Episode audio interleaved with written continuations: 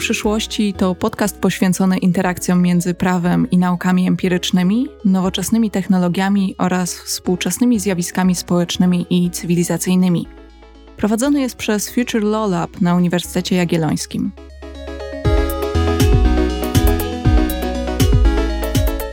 Witajcie w podcaście Prawo Przyszłości. nazywam się Ewa Górska. Moim gościem dzisiaj jest doktor habilitowany Tomasz Sroka adiunkt w Katedrze Prawa Karnego i Zakładzie Bioetyki i Prawa Medycznego na Wydziale Prawa i Administracji Uniwersytetu Jagiellońskiego, a w latach 2016-2021 był także adiunktem w Katedrze Medycyny Sądowej Collegium Medicum UJ również. Jest też kierownikiem studiów podyplomowych Prawo Medyczne i Bioetyka, opiekunem Koła Naukowego Prawa Medycznego na Uniwersytecie Jagiellońskim oraz członkiem Komisji Dyscyplinarnej do Spraw Studentów. Cześć Tomku. Cześć Ewo, witam wszystkich. Spotkaliśmy się dzisiaj, żeby porozmawiać o zdrowiu, a dokładniej o Europejskiej Unii Zdrowotnej, czyli no właśnie, zaraz będziemy wyjaśniać, co to tak naprawdę jest. Ale zanim przejdziemy do sedna, to chciałabym Cię mm, zapytać, czy zacząć w ogóle od pytania o to, jak Unia Europejska wpływa czy wpływała do tej pory na system ochrony zdrowia w Polsce? Czy w ogóle wejście do Unii spowodowało, że teraz Unia bardziej organizuje nasz system ochrony zdrowia, czy nie do końca? Właśnie wydawać by się mogło, że Unia Europejska powinna mieć dosyć istotny wpływ na nasz krajowy system ochrony zdrowia, i na papierze jest dokładnie odwrotnie. To znaczy, w traktacie o funkcjonowaniu Unii Europejskiej kraje umówiły się, że generalnie zarządzanie systemem ochrony zdrowia w kraju, kształtowanie publicznego systemu ochrony zdrowia, decydowanie o sposobie wydatkowania środków publicznych pozostaje do wyłącznej domeny krajów członkowskich. Jedynie jest y, kilka obszarów, y, gdzie zagwarantowano Unii y, pewne kompetencje, które może realizować i prowadzić do pewnej harmonizacji regulacji krajowych. No przede wszystkim są to kwestie dotyczące sposobu postępowania z komórkami, tkankami, narządami, czy też dotyczące wprowadzania do obrotu produktami leczniczymi i wyrobami medycznymi, w tym prowadzenia badań klinicznych w tymże zakresie. I to są te najważniejsze sfery, gdzie Unia zachowała kompetencje co do tego, aby móc regulować czy kształtować pewien standard europejski. Natomiast y, co do zasady, na papierze, kształtowanie krajowego systemu ochrony zdrowia, to jak on działa w szczegółach, y, co w jakim zakresie jest finansowane, jak wyglądają zasady udzielania świadczeń zdrowotnych, no zasadniczo pozostawiono domenie y, krajów członkowskich. Co oczywiście nie oznacza, że Unia Europejska trochę bocznymi drzwiami, trochę przy okazji realizacji zupełnie innych polityk, stara się również, czy wprowadza również regulacje, które mają znaczenie dla systemów ochrony zdrowia. Najprostszy przykład y, to polityka społeczna, bo ta polityka społeczna zajmuje w Unii dosyć istotne znaczenie i obejmuje nie tylko to, co kojarzy się z jakimiś uprawnieniami, nie wiem, pracowniczymi, czy związanymi z y, jakimiś uprawnieniami emerytalno-rentowymi na przykład, ale obejmuje też dostęp do publicznego systemu opieki zdrowotnej. I to powoduje, że na przykład w koordynacji systemów zabezpieczenia społecznego umożliwiamy również osobom podróżującym po Unii Europejskiej możliwość korzystania z publicznego systemu także w innych krajach członkowskich. Wszyscy dobrze znają EKUZę, Europejską Kartę Ubezpieczenia Zdrowotnego, w oparciu o którą właśnie mogą korzystać w stanach nagłych z publicznego systemu w innych krajach członkowskich. I to jest realizowane przy okazji polityki społecznej, a nie jako dziedzina y, y, ochrony zdrowia jako taka. W związku z czym y, ten wpływ to jest tylko przykład, natomiast ten wpływ poboczny jest też bardzo widoczny, czy to przy okazji jeszcze, nie wiem, realizacji jakichś zadań z zakresu reglamentacji rynku wewnętrznego, i sposobu świadczenia usług na terenie Unii Europejskiej, czy to w związku na przykład z wprowadzaniem przepisów dotyczących ochrony konsumentów, no bo pacjenci też są traktowani jako konsumenci i jakoś kształtowanie tutaj na przykład propacjenckiej wykładni czy stosowania przepisów dotyczących odpowiedzialności za produkty niebezpieczne, czy to w związku z realizacją jakichś polityk dotyczących na przykład szeroko rozumianego prawa żywnościowego, gdzie również no, jednym z podstawowych aspektów, na przykład dotyczących tego, jak jest e, reglamentowany obrót żywnością, czy jak się dba o bezpieczeństwo żywności i żywienia, jest to, aby zapewnić zdrowie obywatelom Unii Europejskiej. Czyli do tej pory było tak, że generalnie Unia oficjalnie się nie mieszała, ale nieoficjalnie, nie na papierze tych mechanizmów jest trochę więcej i Unii też zależało na tym, żeby nasza ochrona zdrowia się polepszała. Niewątpliwie tak było. I to również przysłużał się ku temu troszeczkę Trybunał Sprawiedliwości Unii Europejskiej, który przy okazji licznych na przykład wypowiedzi dotyczących transgranicznej opieki zdrowotnej, przy okazji dawał wskazania na przykład co do tego, nie wiem, jak powinny wyglądać prawidłowo prowadzone i ukształtowane listy oczekujących w publicznym systemie, czy tak zwane kolejki żeby uzyskać we właściwym momencie z punktu widzenia stanu zdrowia jakieś świadczenie zdrowotne, albo nie wiem, jak powinien być prawidłowo ukształtowany koszyk świadczeń gwarantowany w danym kraju, aby obywatel tak naprawdę wiedział, co i w jakim mu się zakresie przynależy mu się i będzie finansowane albo współfinansowane ze środków publicznych. Tak? Więc y, to są tylko przykłady. Jest pewna wąska grupa dziedzin, gdzie ta Unia Europejska rzeczywiście dosyć mocno reglamentuje działalność e, poszczególnych państw członkowskich. Jest e, też pewna sfera e, ochrony zdrowia, gdzie niby wprost Unia Europejska kompetencji nie ma, ale przy okazji realizacji innych polityk stara się tutaj też przynajmniej wskazywać kierunki działań poszczególnych państw, aby dążyć do mimo wszystko jak najlepszego stanu zdrowia wszystkich obywateli państw członkowskich. No to przejdźmy do tej Europejskiej Unii Zdrowotnej. Zacznijmy od tego może, co to jest. Idea Europejskiej Unii Zdrowotnej e, zrodziła się, jak ostatnio wiele rzeczy, przy okazji pandemii i rozprzestrzenianiu się wirusa SARS-CoV-2. Otóż y, pojawiły się takie wstępne, nie wiem, analizy czy raporty dotyczące tego, jak kraje europejskie y, odpowiadały na tą pandemię, jak sobie radziły y, z rozprzestrzeniającym się wirusem. I okazało się, że te doświadczenia europejskie no, nie są zadowalające, mówiąc tak bardzo delikatnie. To znaczy, te działania poszczególnych państw członkowskich były dosyć mocno nieskoordynowane pomiędzy sobą.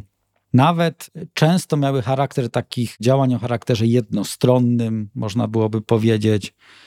Często one prowadziły w mniejszym lub większym zakresie do e, naruszania tych, czy ograniczania bardziej tych podstawowych swobód europejskich, zakłócały swobodny przepływ e, towarów, usług, czy również osób. No wszyscy dobrze wiemy, że w bardzo szerokim zakresie na przykład ograniczaliśmy czy zamykaliśmy pewną działalność gospodarczą również i u nas w kraju. Były bardzo mocne ograniczenia, jeżeli chodzi o podróżowanie pomiędzy krajami członkowskimi. I również niejednokrotnie dochodziło do wprowadzania różnego rodzaju nakazów czy zakazów, które nawet w opinii publicznej wydawało się, że no nie mają jakiegoś większego uzasadnienia po to, aby przeciwdziałać tejże epidemii. No, Zamykanie lasów? To jest chyba najlepszy przykład, tak? kiedy chroniliśmy społeczeństwo polskie przed wirusem, zamykając wstęp do lasów. Tak? To jest y, jeden z powodów. Drugi, nabudowany chyba na tym pierwszym, był związany z samymi oczekiwaniami ze strony obywateli Unii Europejskiej.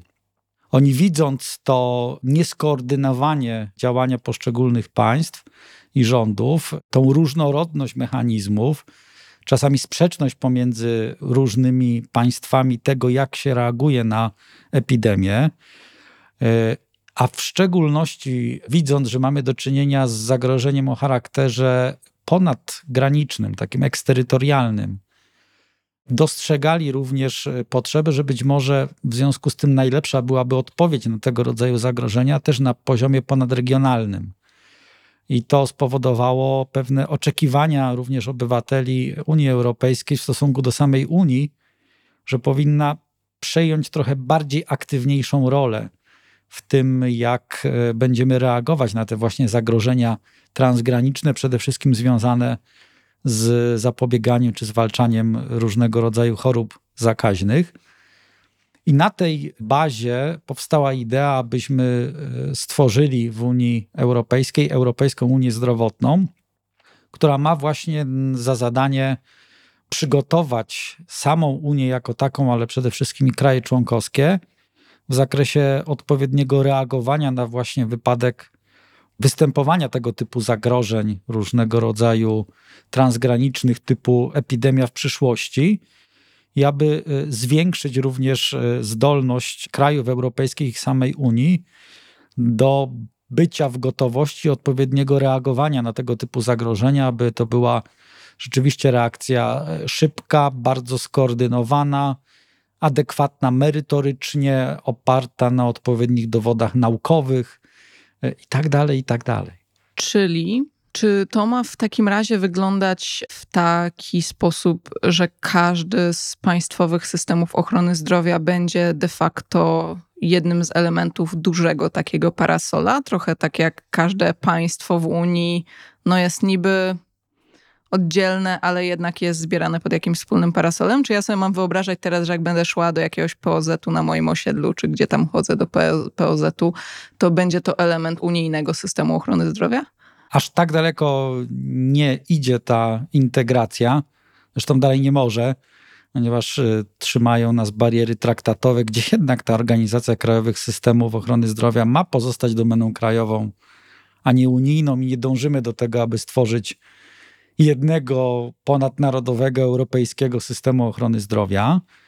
Natomiast będzie tak, czy już są nawet podejmowane działania, aby przynajmniej pewne fragmenty krajowych systemów ochrony zdrowia działały na rzecz tego europejskiego systemu odpowiedniego reagowania na tego typu transgraniczne zagrożenia. No nie wiem, najlepszym przykładem może być wprowadzenie takich sieci laboratoriów referencyjnych w poszczególnych krajach, po to, że gdy zajdzie na przykład taka potrzeba w związku z pojawieniem się jakiegoś nowego patogenu, aby móc w taki skoordynowany, mm, europejski sposób w różnych laboratoriach, ale tworzących jedną sieć, dokonać szybkiej oceny tego patogenu, dokonać analizy, w jaki sposób najbardziej skutecznie, merytorycznie można będzie na niego odpowiedzieć. Mają być też przygotowane takie plany związane z reagowaniem na tego typu sytuacje zagrożenia. Ma być jeden taki dokument na poziomie unijnym, natomiast ten dokument na poziomie unijnym określający sposób reagowania właśnie zagrożenia transgraniczne ma również e, bazować w pewnym zakresie na tym, jak poszczególne kraje w swoich dokumentach krajowych przygotowały taki plan reagowania na sytuacje E, zagrożenia, w związku z czym tu też nastąpi pewna kooperacja, tak? ponieważ ten dokument, ta odpowiedź unijna trochę będzie uzależniała od tego, jak będziemy e, reagować na te stany zagrożenia także na poziomie krajowym. Ale to na pewno nie będzie prowadzić do tego, że po wejściu w życie tych wszystkich planowanych regulacji obudzimy się w nowym świecie, gdzie będzie jeden wielki europejski system ochrony zdrowia, i będziemy funkcjonować na takich samych zasadach i, i, i warunkach, jak na przykład obywatele Niderlandów czy jakiegokolwiek innego y, kraju europejskiego. Chciałabym Cię teraz zapytać, czy w takim razie cokolwiek się polepszy, ale może lepiej nie brzmijmy w tym kierunku. Tylko zapytam Cię, co w takim razie, skoro ten proces tak naprawdę tworzenia tej Europejskiej Unii Zdrowotnej już trwa, to co w takim razie już zrobiono, bo chyba jeśli chodzi na przykład o te sytuacje kryzysowe, no to ta pandemia do pewnego stopnia już się skończyła, więc już pewne rzeczy też nastąpiły, prawda? A rozumiem, że pewne rzeczy właśnie już wykonano, ale ten proces ma jeszcze toczyć się też w przyszłości. Więc gdzie jesteśmy w ogóle na tej skali tego procesu teraz? Czy na samym początku, czy już gdzieś w połowie? I co zrobiono do tej pory? I co robimy teraz? Jeżeli popatrzeć na założenia tej Europejskiej Unii Zdrowotnej, to ona ma być oparta na dzień dzisiejszy, bo to myślę będzie na pewno ewoluować w przyszłości na takich e, pięciu zasadniczych filarach. Znaczy, po pierwsze, owa gotowość na wypadek sytuacji kryzysowych. Po drugie, funkcjonujący już również, za chwilę o tym wspomnę, Urząd do Spraw Gotowości i Reagowania na Stany Zagrożenia Zdrowia. Po trzecie, przyjęta i wdrażana strategia farmaceutyczna dla Europy. Po czwarte, europejski plan walki z rakiem. I po piąty filar, być może najistotniejszy w całej układance, w szczególności z takiego przyszłościowego punktu widzenia, to problematyka e-zdrowia i e, europejskiej przestrzeni danych e, dotyczących zdrowia. Jesteśmy w takim etapie, gdzie y, już zostały przyjęte y, rozwiązania y, w zakresie gotowości na wypadek sytuacji kryzysowych. Tak jest przyjęte w listopadzie ubiegłego roku rozporządzenie unijne dotyczące właśnie poważnych transgranicznych zagrożeń dla zdrowia, które reguluje w sposób ogólny ten mechanizm unijnej odpowiedzi na różnego rodzaju transgraniczne zagrożenia, przede wszystkim właśnie związane z epidemiami różnego rodzaju y, chorób zakaźnych, gdzie stworzono Komitet do Spraw Bezpieczeństwa Zdrowia, który ma koordynować te zadania, gdzie właśnie przewidziano konieczność stworzenia tego unijnego planu zapobiegania, gotowości reagowania i takich samych planów krajowych, gdzie są przewidziane mechanizmy szkolenia poszczególnych e, pracowników, czy to systemu ochrony zdrowia, czy to instytucji zajmujących się organizacją zdrowia publicznego w poszczególnych krajach, po to, aby to były no, dobrze wykwalifikowane osoby, które będą w stanie,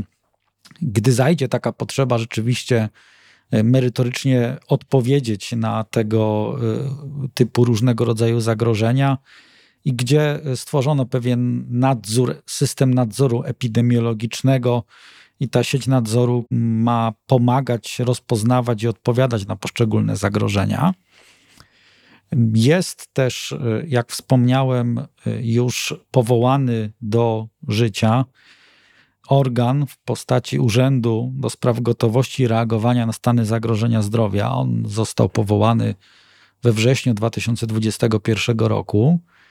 I to jest e, organ, który ma zapewniać współpracę pomiędzy państwami członkowskimi w wypadku takich różnych zagrożeń transgranicznych.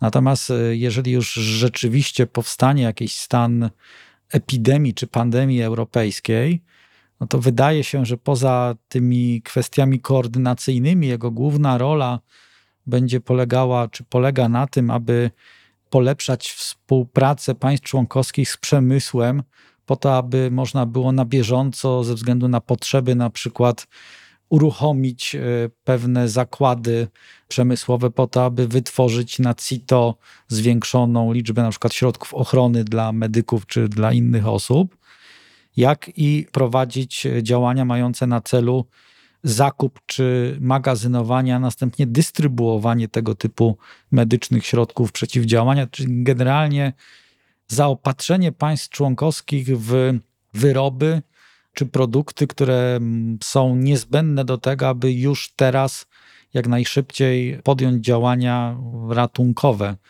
dla y, życia i zdrowia y, obywateli. I to są rozwiązania, które y, już są przyjęte na y, obecną chwilę. Tam oczywiście można byłoby jeszcze wspomnieć o pewnych y, zmianach czy poszerzeniu kompetencji, na przykład Europejskiego Centrum do Spraw Zapobiegania i Kontroli Chorób, które ma dawać już trochę mocniejsze wytyczne dla państw członkowskich, czy Europejskiej Agencji Leków. Co przykład. to znaczy mocniejsze wytyczne? Bo chyba jednym z problemów, które wyszły przy COVID-zie było była też taka słabość narzucania pewnych rozwiązań w momencie, kiedy wszyscy panikowali, każde państwo dbało o swoich obywateli, czyli de facto tylko o siebie. Zresztą też no, jakby wspomniałeś o tym, że obywatele patrzyli, że, że jest jakby nierówna ta, czy, czy różne są te odpowiedzi w różnych państwach i chcieli, no może ci, którzy uważali, że e, reakcja ich państwa jest trochę gorsza, to pewnie chcieli takiej, jak była w innych państwach, natomiast też bardzo często było tak, że nie chcieliśmy się dzielić.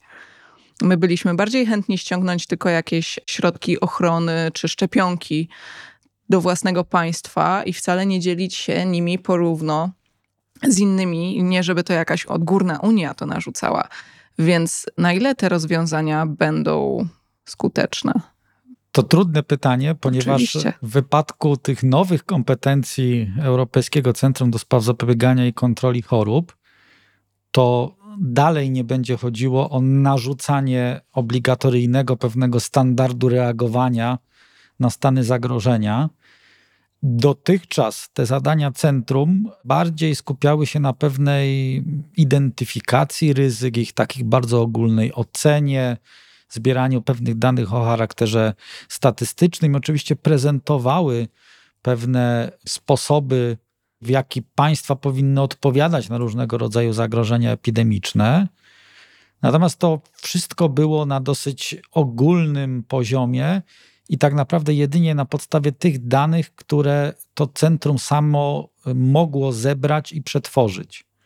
Teraz w, ramach tych poszerzenia kompetencji chodzi o to, aby powierzyć centrum bardziej narzędzia do tego, aby mogło dostarczyć bardziej aktualne informacje zebrane na podstawie e, szerszego zakresu danych w sposób obowiązkowo przekazywanych przez państwa członkowskie aby można było przy użyciu, przy wykorzystaniu na przykład tej sieci laboratoriów referencyjnych dokonać pewnego, pewnej oceny, następnie modelowania czy prognozowania tego, jak ta epidemia może się rozwijać, i aby w związku z tym finalnie to centrum dało takie, mm, byśmy powiedzieli, wytyczne dotyczące, czy rekomendacje dotyczące sposobu postępowania, ale trochę odwołujące się już bardziej do tego, co rozumiemy pod pojęciem evidence-based medicine, czyli takiej opartej na rzetelnych i y, przeprowadzonych na szeroką skalę badaniach naukowych, trochę przy założeniu czy zaufaniu do państw członkowskich, że jak dostaną wytyczne oparte na twardych danych i badaniach, to będą na tyle racjonalne, że właśnie w tym kierunku pójdą z działaniami zapobiegawczymi. Tak? Natomiast to w dalszym ciągu pozostaną tylko i wyłącznie e, e, rekomendacje czy wytyczne niewiążące. Tak? Przynajmniej taka jest obecna wersja tychże przyjętych przepisów pod koniec zeszłego roku.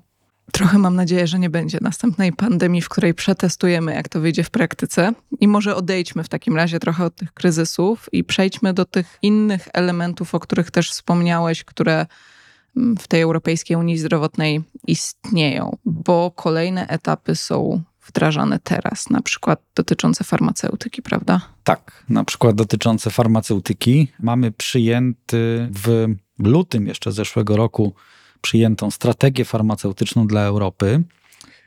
Ta strategia farmaceutyczna dla Europy będzie się dosyć mocno łączyła e, z tym ostatnim zamarkowanym przeze mnie filarem dotyczącym europejskiej przestrzeni danych dotyczących zdrowia. Więc może trochę bardziej szczegółowo nawiążę do niej jeszcze za chwilkę. Natomiast generalnie chodzi o to, aby określić pewne priorytety, czy Unia określiła pewne priorytety polityki farmaceutycznej, jakie będzie starała się realizować w ciągu najbliższych lat na terenie y, Europy. Z jednej strony starając się zachęcić firmy farmaceutyczne do tego, aby nie uciekały z Europy, tylko pozostały tutaj i tutaj prowadziły działania badawcze badania kliniczne, aby tutaj dochodziło do tworzenia nowych produktów leczniczych czy wyrobów medycznych. I są przewidziane pewne mechanizmy, czy plany tworzenia pewnych mechanizmów, które na przykład mają zapewniać e, sprzyjające otoczenie dla przemysłu farmaceutycznego, choćby na przykład związane z prawami własności intelektualnej, tak? czy związane z dodatkowymi świadectwami ochronnymi aby y, zachęcać do prowadzenia badań i rejestracji produktów leczniczych w y, Europie. A z drugiej strony, ta strategia farmaceutyczna jest ukierunkowana, czy ma na celu stworzenie pewnych warunków do tego, aby jednak radzić sobie z pewnymi istotnymi problemami też związanymi z farmaceutyką, jakie na przykład są związane z y, opornością na niektóre leki, w tym na przykład środki przeciwdrobnoustrojowe. To jest y, istotny problem w medycynie i też chodzi o to, aby pokazać, że oprócz pewnych priorytetów związanych oczywiście z innowacyjnością i tworzeniem nowych produktów leczniczych, które będą najlepiej jeszcze tanie i skuteczne i powszechnie dostępne y, dla pacjentów, y, odpowiadać też na te mm, wyzwania w dziedzinie medycyny, gdzie się okazuje, że te innowacje byłyby najbardziej potrzebne, tak? Nie wiem, choroby neurodegeneracyjne, choroby rzadkie, nowotwory dziecięce, tak? To mają być te y, priorytety, gdzie Unia Europejska będzie chciała nadawać pewien impuls do tego, aby tutaj się posuwały badania. Wspomniałem o tych no, nowotworach, więc y, drugim tym takim elementem, który już jest realizowany w ramach Europejskiej Unii Zdrowotnej, jest y, y, Europejski Plan Walki z Rakiem. Można było powiedzieć, że budujemy Unię Europejską na dwóch fundamentalnych w obecnych czasach zagrożeniach dla zdrowia publicznego, to znaczy epidemie i pandemie oraz nowotwory. Okazuje się, że to nie jest żadna tajemnica, ale mm, nowotwory są no, jedną z najistotniejszych przyczyn zgonów w e, Europie. I w związku z tym, obok epidemii i pandemii, tego zagrożenia transgranicznego, przeciwdziałanie nowotworom, czy zapobieganie i leczenie nowotworom jest postrzegane przez Unię Europejską jako jeden z tych istotnych elementów, na których y, polityka zdrowotna powinna się w najbliższych latach skupiać. I w tym kontekście w grudniu zeszłego roku przyjęto właśnie nowe podejście Unii Europejskiej do badań przesiewowych w kierunku raka, które ma stymulować, bo to znowu będą mechanizmy miękkie i wszystko zależy od tego, jak państwa członkowskie, w tym Polska, do tego podejdą, do tego, aby wdrażać bardzo mocno programy badań przesiewowych w kierunku e, nowotworów, w kierunku raka, aby e, wręcz e, dążyć do tego, aby w sposób aktywny docierać do pacjentów, aby ich zachęcać do uczestnictwa w różnego rodzaju programach przesiewowych i następnie, aby, co jest chyba równie istotne, zapewnić tym pacjentom poza odpowiednią informacją na temat tego, czym są nowotwory, po co są te badania przesiewowe, dlaczego są konieczne do wykonania, aby zapewnić im również odpowiednią e, opiekę w razie konieczności leczenia, w trakcie tego leczenia, jak i po tym leczeniu, w szczególności opiekę psychologiczną, która może być dla tychże pacjentów bardzo, bardzo istotna. A że te nowe twory są istotnym wyzwaniem społecznym także i w Polsce, no to wystarczy już spojrzeć na pierwsze, byśmy powiedzieli, kroki, które są robione w ramach tej e, europejskiej walki z lakiem. Bo pierwszą rzecz, którą zrobiono, to na początku tego roku, w lutym tego roku, e, stworzono raporty e, na temat, e, czy inaczej profile państw w związku z leczeniem i zapobieganiem i stosowaniem badań profilaktycznych nowotworów poszczególnych krajów członkowskich. Jest też taki raport na temat Polski. I no szczerze mówiąc, ta lektura tego raportu nie napawa daleko idącym optymizmem. To znaczy, okazuje się, że ogólna śmiertelność z powodu raka e, w Polsce jest 15% wyższa niż średnia europejska. Okazuje się, że mamy bardzo istotne czynniki ryzyka zachorowania na raka o charakterze środowiskowym, e, w szczególności zanieczyszczenie powietrza, a także e, dotyczące byśmy powiedzieli, pewnych chorób cywilizacyjnych. W naszym wypadku jest to nadwaga i otyłość oraz spożywanie alkoholu, e, że mamy bardzo niskie wskaźniki badań przesiewowych co do chyba bardzo istotnych nowotworów, jakimi są rak piersi i rak jelita grubego. Mamy bardzo daleko idący niedobór e, pracowników ochrony zdrowia, e, czy też e, na przykład ośrodków radioterapii. Nomen omen z, z tej analizy przeze mnie tych tabelek na przykład wychodziło, że gorsza sytuacja w tym zakresie jest tylko w Rumunii, jeżeli chodzi o kraje europejskie. Mamy dużo niższe niż średnia unijna pięcioletnie przeżycie w przypadku większości absolutnej większości nowotworów, e, a wydatki per capita w Polsce na leczenie nowotworów są niższe niż średnia europejska, niż średnia unijna, o jakieś 27%. Ile? 27%, 27%. ale e, nie to jest najbardziej e, zatrważające, tylko moim zdaniem wynikająca z tego raportu bardzo, bardzo duża nierówność jeżeli chodzi o świadomość, wiedzę i uczestnictwo w programach przesiewowych na różnego rodzaju nowotwory, ze względu na wykształcenie i poziom dochodów. Na przykład z tego raportu wynika, że różnica w udziale w badaniach przesiewowych e, na raka szyjki macicy pomiędzy kobietami z wyższym wykształceniem i bez wyższego wykształcenia wynosi 57 punktów procentowych.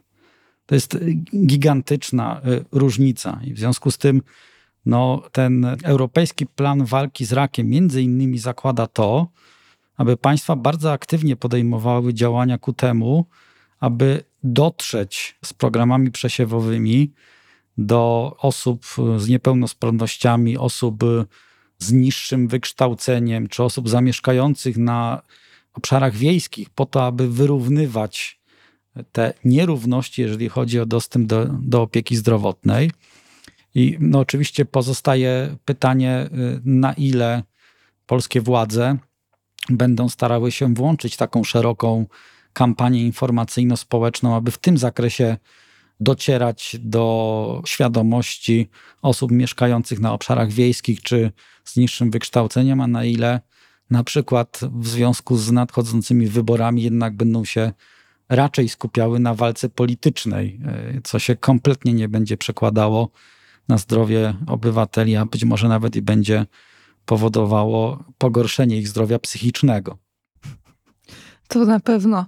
Mam dwa pytania jeszcze do tego, zanim przejdziemy dalej. Pierwsze jest takie, czy te dane dotyczyły państwowej opieki zdrowotnej, czy brały pod uwagę też to, że tak jak podejrzewam, osoby z wyższym wykształceniem, ale też często przez to lepiej na przykład zarabiające, czy będące w mieście mają dostęp do opieki prywatnej i dużo z takich badań często jest wykonywanych po prostu odpłatnie, bo ktoś sobie o nie poprosi.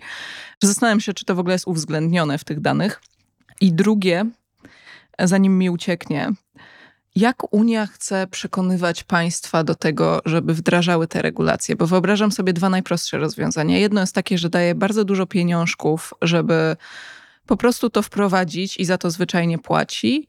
I drugie jest analogiczne, ale trochę odwrotne, czyli nakłada pewne standardy i nakłada kary, jeśli nie są one spełniane, czyli trochę takim kij albo marchewka. No to tu będzie kij czy marchewka.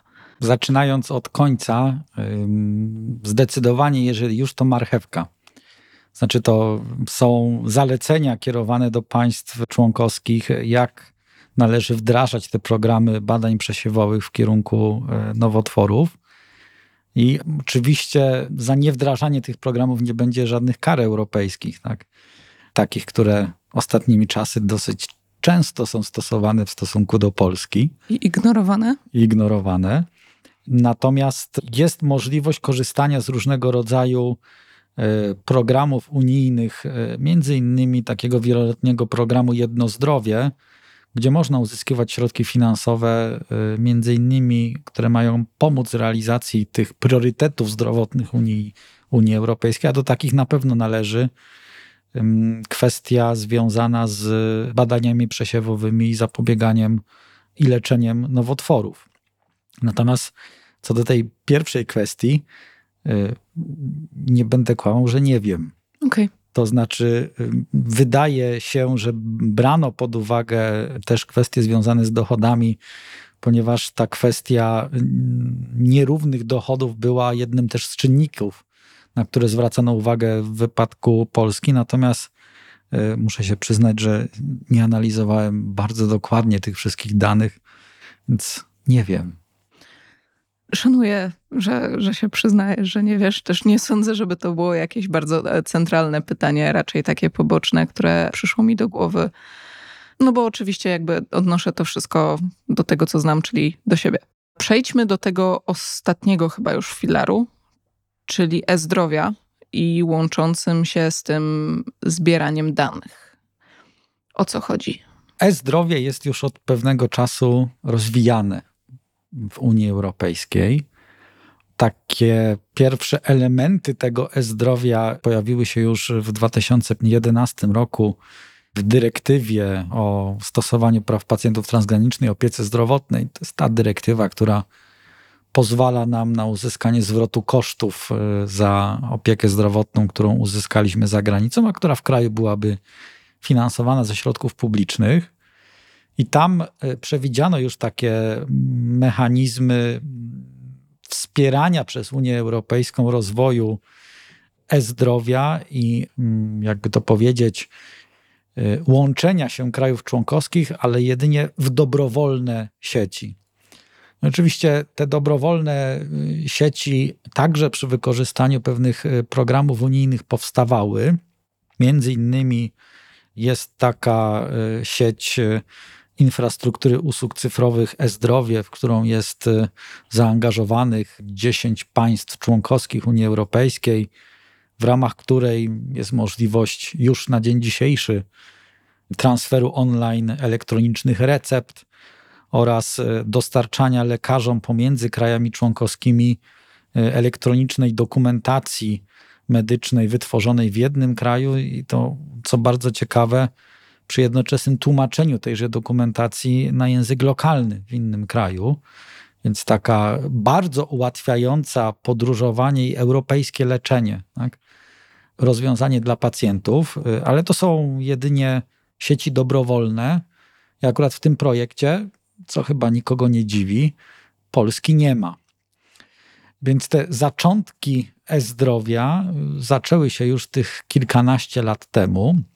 W czasie pandemii wirusa SARS-CoV-2 pojawiły się dalej idące mechanizmy, chociaż tak naprawdę nie związane z ochroną zdrowia, tylko bardziej z mm, umożliwieniem obywatelom Unii Europejskiej przepływu pomiędzy krajami członkowskimi.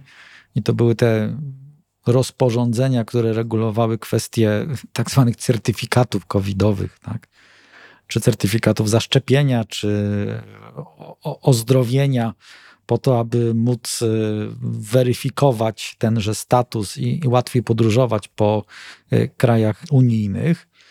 Toczą się teraz y, prace regulacyjne dotyczące sztucznej inteligencji, która również ma no, bardzo istotne znaczenie dla systemu ochrony zdrowia, ale to jest jakby coś, co dotyczy szerszego obszaru niż tylko ochrona zdrowia. Natomiast no, kluczowe w tym zakresie jest e, aktualnie procedowany w Parlamencie Europejskim projekt Europejskiej Przestrzeni Danych dotyczących zdrowia. I jak tych e, pięć lat temu, tak, w 2018 roku, wchodziło w życie e, RODO słynne. I wszyscy byli przerażeni tym, jaką to rewolucję przyniesie RODO, jeżeli chodzi o ochronę danych osobowych. To trzeba wyraźnie, moim zdaniem, postawić taką tezę, że z punktu widzenia systemu ochrony zdrowia, to RODO to żadną rewolucją nie było. Tam się troszkę zmieniło obowiązków o charakterze administracyjnym, doszły obowiązki związane na przykład, nie wiem, z informowaniem trochę szerszym pacjentów o pewnych działaniach, czy rejestrowaniem czynności przetwarzania. Może pacjenci uzyskali czasami pewne dodatkowe uprawnienia, jak na przykład nie wiem, prawo do pierwszej bezpłatnej kopii dokumentacji medycznej, ale generalnie standard ochrony przetwarzania danych dotyczących zdrowia, który istniał przed RODO już e, i też wynikał e, z dyrektywy unijnej, po wejściu w RODO w systemie ochrony zdrowia nie za dużo się zmienił. E, jak wejdzie w życie, zostanie przyjęta ta europejska przestrzeń danych dotyczących zdrowia w takiej wersji, jak jest aktualnie procedowana, to to dopiero będzie rewolucja. Tak? RODO przy tym to był malutki problem. Co tutaj warto jakby wiedzieć? Wydaje mi się, że można postawić taką y, tezę, że RODO trochę było, y, czy jest zbudowane na takiej idei, aby zapewnić jak najlepszą ochronę gromadzonych i przetwarzanych danych, a w szczególności tych danych o charakterze wrażliwym.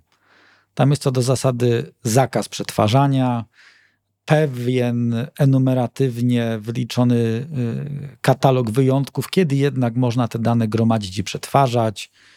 Dążenie ku temu, aby to była y, jak najmniejsza liczba danych w jak najkrótszym okresie czasu, po osiągnięciu celu niezwłocznie usuwana, y, z mocnym wpływem pacjentów na to, co się z tymi danymi dzieje i tak dalej, i tak dalej. Takie mocne ukierunkowanie jest tego RODO na ochronę i nie gromadzenie, nie przechowywanie, nie przetwarzanie danych, które już nie są potrzebne do celu, dla którego zostały zgromadzone.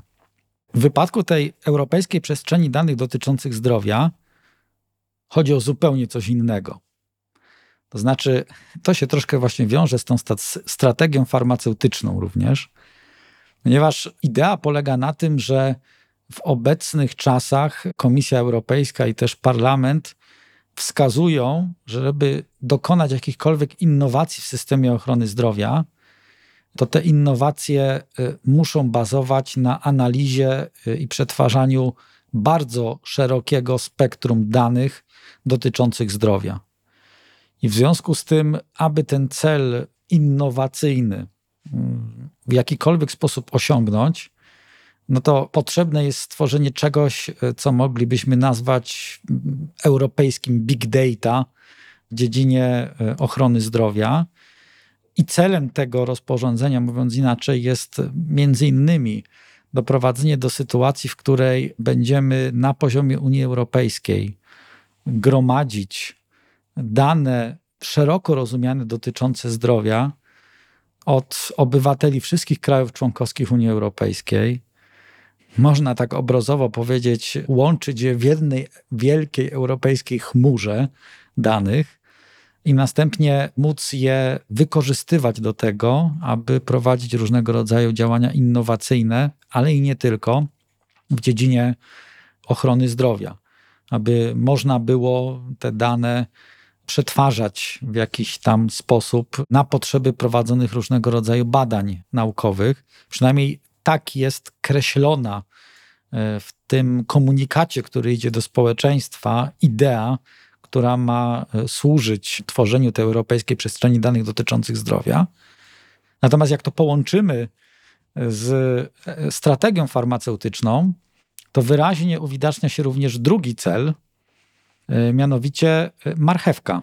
To ma być marchewka e, dla e, firm farmaceutycznych, aby pozostały w Europie i tutaj prowadziły badania naukowe, poprzez e, pokazanie im, że jak zostaniecie w Europie tu będą prowadzone badania nad nowymi lekami, to dostaniecie na potrzeby tychże badań możliwość dostępu do gigantycznej bazy danych pozwalających na prowadzenie tychże badań. Gdzie indziej na świecie takiej bazy nie będzie różnopopulacyjnej. Tak? To jest ta idea. Co ciekawe, w tej pierwotnej propozycji mm, w zakresie owego wtórnego wykorzystywania danych, czyli właśnie między innymi na prowadzenie różnego rodzaju badań e, naukowych, nie ma za bardzo miejsca dla pacjenta. To znaczy, wychodzi się z założenia, że ten pacjent oczywiście powinien mieć pewne uprawnienia, ale przede wszystkim w zakresie pierwotnego wykorzystywania danych, czyli e, w sytuacji, kiedy one są gromadzone dla potrzeb udzielania mu świadczeń zdrowotnych, objęcia go opieką zdrowotną, czy dla potrzeb finansowania tejże opieki zdrowotnej. I tam rzeczywiście pacjentowi te projektowane regulacje przyznają szereg e, uprawnień, to znaczy, że ma mieć prawo dostępu niezwłocznego i nieodpłatnego do swoich elektronicznych danych osobowych dotyczących zdrowia, że one powinny być przynajmniej w zakresie danych priorytetowych niezwłocznie wprowadzane do tej wersji elektronicznej, że będzie można udostępniać te dane innym osobom, że ten pacjent będzie mógł na przykład decydować, czy i jakie dane któremu lekarzowi, czy któremu podmiotowi leczniczemu w kraju, czy za granicą udostępni i w jakim zakresie. Więc y, y, jest tutaj y, sporo takich uprawnień, które mają umożliwić pacjentom bardzo daleko idące również kompetencje w zakresie zarządzania swoimi danymi dotyczącymi zdrowia, ale przy jednoczesnym zapewnieniu mechanizmu, bo o to chodzi, aby można było bez przeszkód korzystać z opieki zdrowotnej w różnych krajach członkowskich Unii Europejskiej, pracując na tym samym formacie danych, mając bezproblemowy dostęp w razie podróży za granicą do całej swojej historii leczenia, wszystkich recept i tak dalej, i tak dalej. Tak? Aby nie było tu już żadnych barier w tymże zakresie. Natomiast e, w tym projekcie ta e, rola pacjenta kończy się tutaj. Natomiast jest ta cała gigantyczna sfera związana z wtórnym wykorzystywaniem danych, czyli związanym z realizacją celów, jak na przykład oprócz tych badań klinicznych, na przykład e, edukacją, po to, aby móc wykorzystywać dane gromadzone w tychże elektronicznych, na przykład dokumentacjach medycznych, na potrzeby nauczania na uczelniach wyższych, czy to przyszłych lekarzy, czy to w ramach różnych kursów specjalizacyjnych, albo na przykład e, na potrzeby działań związanych z e, trenowaniem, testowaniem i ocenem algorytmów czy e, mechanizmów, czy systemów sztucznej inteligencji w medycynie. Szczytny cel, bowiem zupełnie inaczej będzie działał algorytm postępowania, czy jakiś system sztucznej inteligencji, który będzie przetestowany na danych pochodzących z całej Europy, tak? i to bardzo szerokim katalogu danych. I tych celów takich dodatkowych jest tutaj dużo, dużo, dużo więcej. I w tej pierwotnej propozycji tam pacjent nie ma nic do powiedzenia.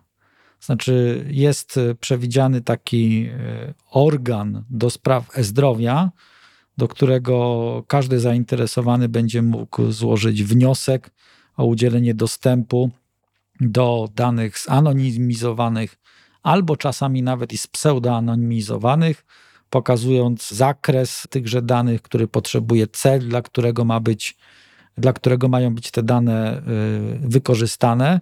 Jeżeli te wszystkie wymogi dotyczące prawidłowego określenia, po co te dane komu są potrzebne i czy to się mieści w tych celach określonych e, w europejskiej przestrzeni danych dotyczących zdrowia będą spełnione, to ten organ e, do sprawy zdrowia będzie udzielał dostępu do tejże chmury z danymi, tak?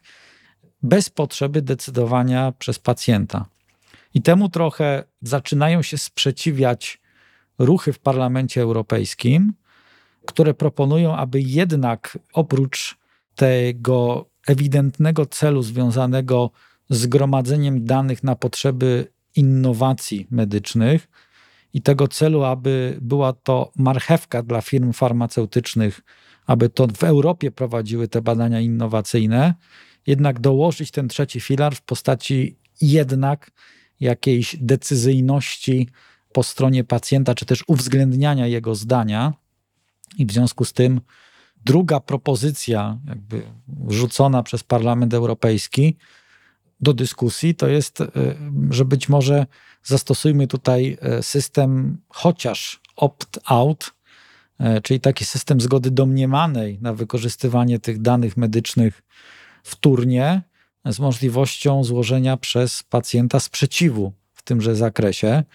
Być może będzie tak, że po prostu jakaś grupa pacjentów niezainteresowana, aby ich, ich dane, nawet zanonimizowane, były wykorzystywane na potrzeby badań, kształcenia czy testowania różnego rodzaju sprzętu, sprzeciwiła się ku temu i, i w ten sposób ich dane nie będą w tym celu wykorzystywane.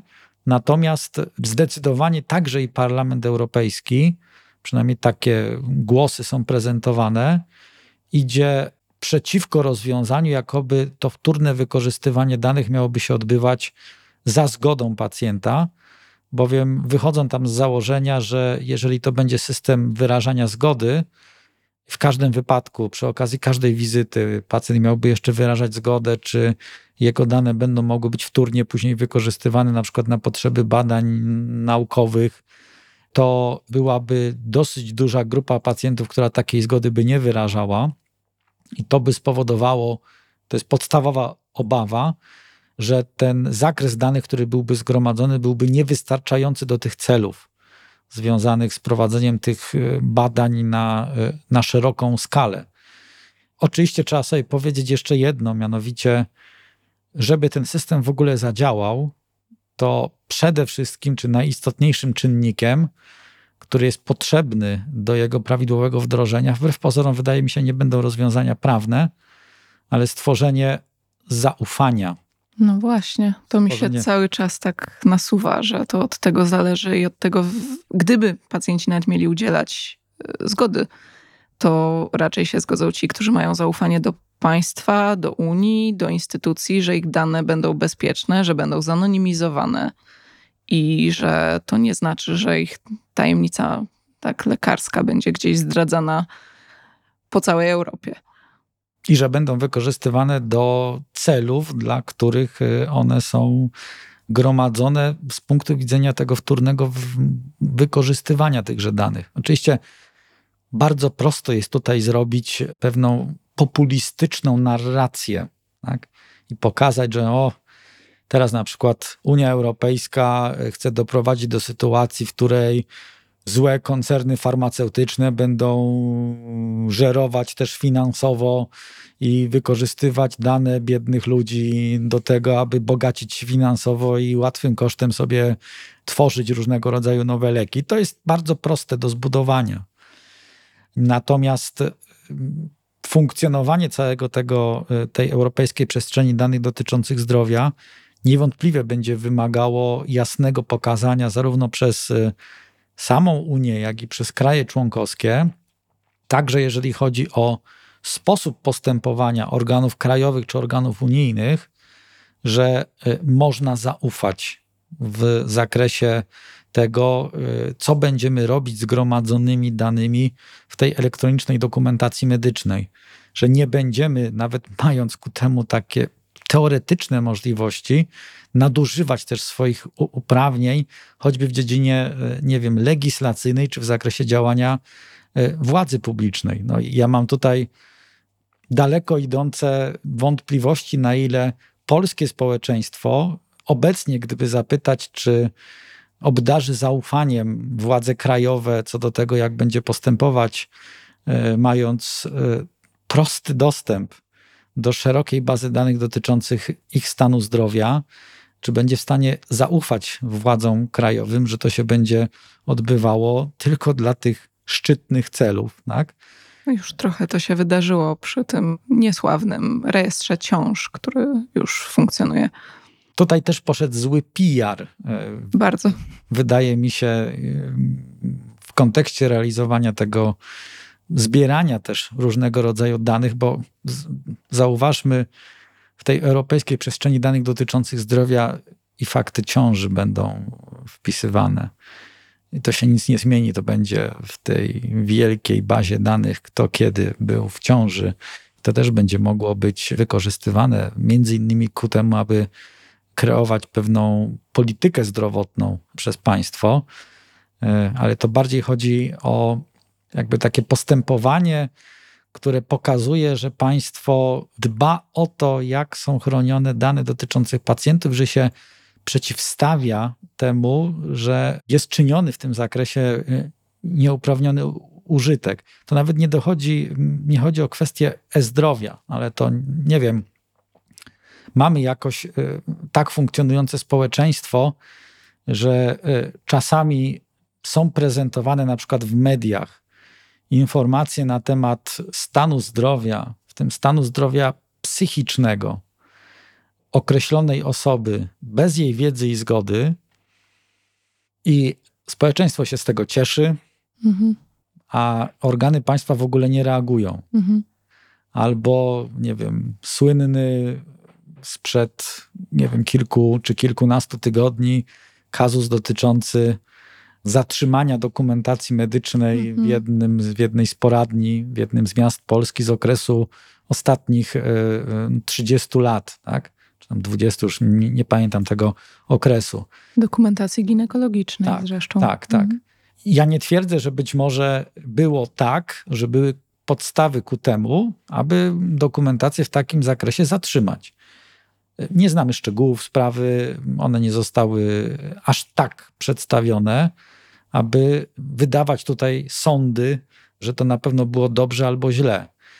Bardziej mi chodzi o sam komunikat, który poszedł Mhm. do społeczeństwa, czy to jak to zostało zaprezentowane, ponieważ e, to niewątpliwie podważało zaufanie, czy i na ile mogę powierzać moje dosyć intymne dane organom państwa. Tak? No i teraz w perspektywie. Teraz, przepraszam, ale teraz dalej, na ile mogę powierzać moje dane lekarzom, skoro państwo może i tak Dokładnie. je zarekwirować, czyli czy w ogóle opłaca się iść do tego lekarza w Polsce, jeśli na przykład to leczenie dotyczy czegoś, co może być choćby wstydliwe. Ja już nie mówiąc właśnie o przypadkach, które państwo może uważać za bezprawne. Dokładnie. Dokładnie. To kiedy my wejdziemy do tej chmury i wszystkie nasze dane będą upływać w powietrzu? Z tego, co jest prezentowane na forum Parlamentu Europejskiego, to podobno jest konsensus co do tych głównych założeń. Toczą się rozmowy co do szczegółów. Plan jest taki, aby przed wakacjami Parlament e, Europejski przyjął tą propozycję, a przed końcem roku e, Rada ją zaakceptowała.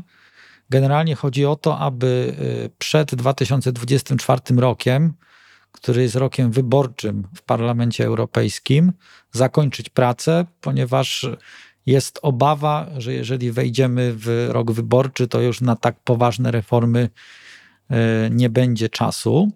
I ma być okres oczywiście dostosowawczy do tego e, rozporządzenia, no bo on będzie wymagał między innymi tego, abyśmy podpięli wszystkie podmioty lecznicze pod wspólny, może nie wspólny, ale kompatybilny w całej Europie system i aby był obowiązek prowadzenia elektronicznej dokumentacji medycznej w tymże systemie.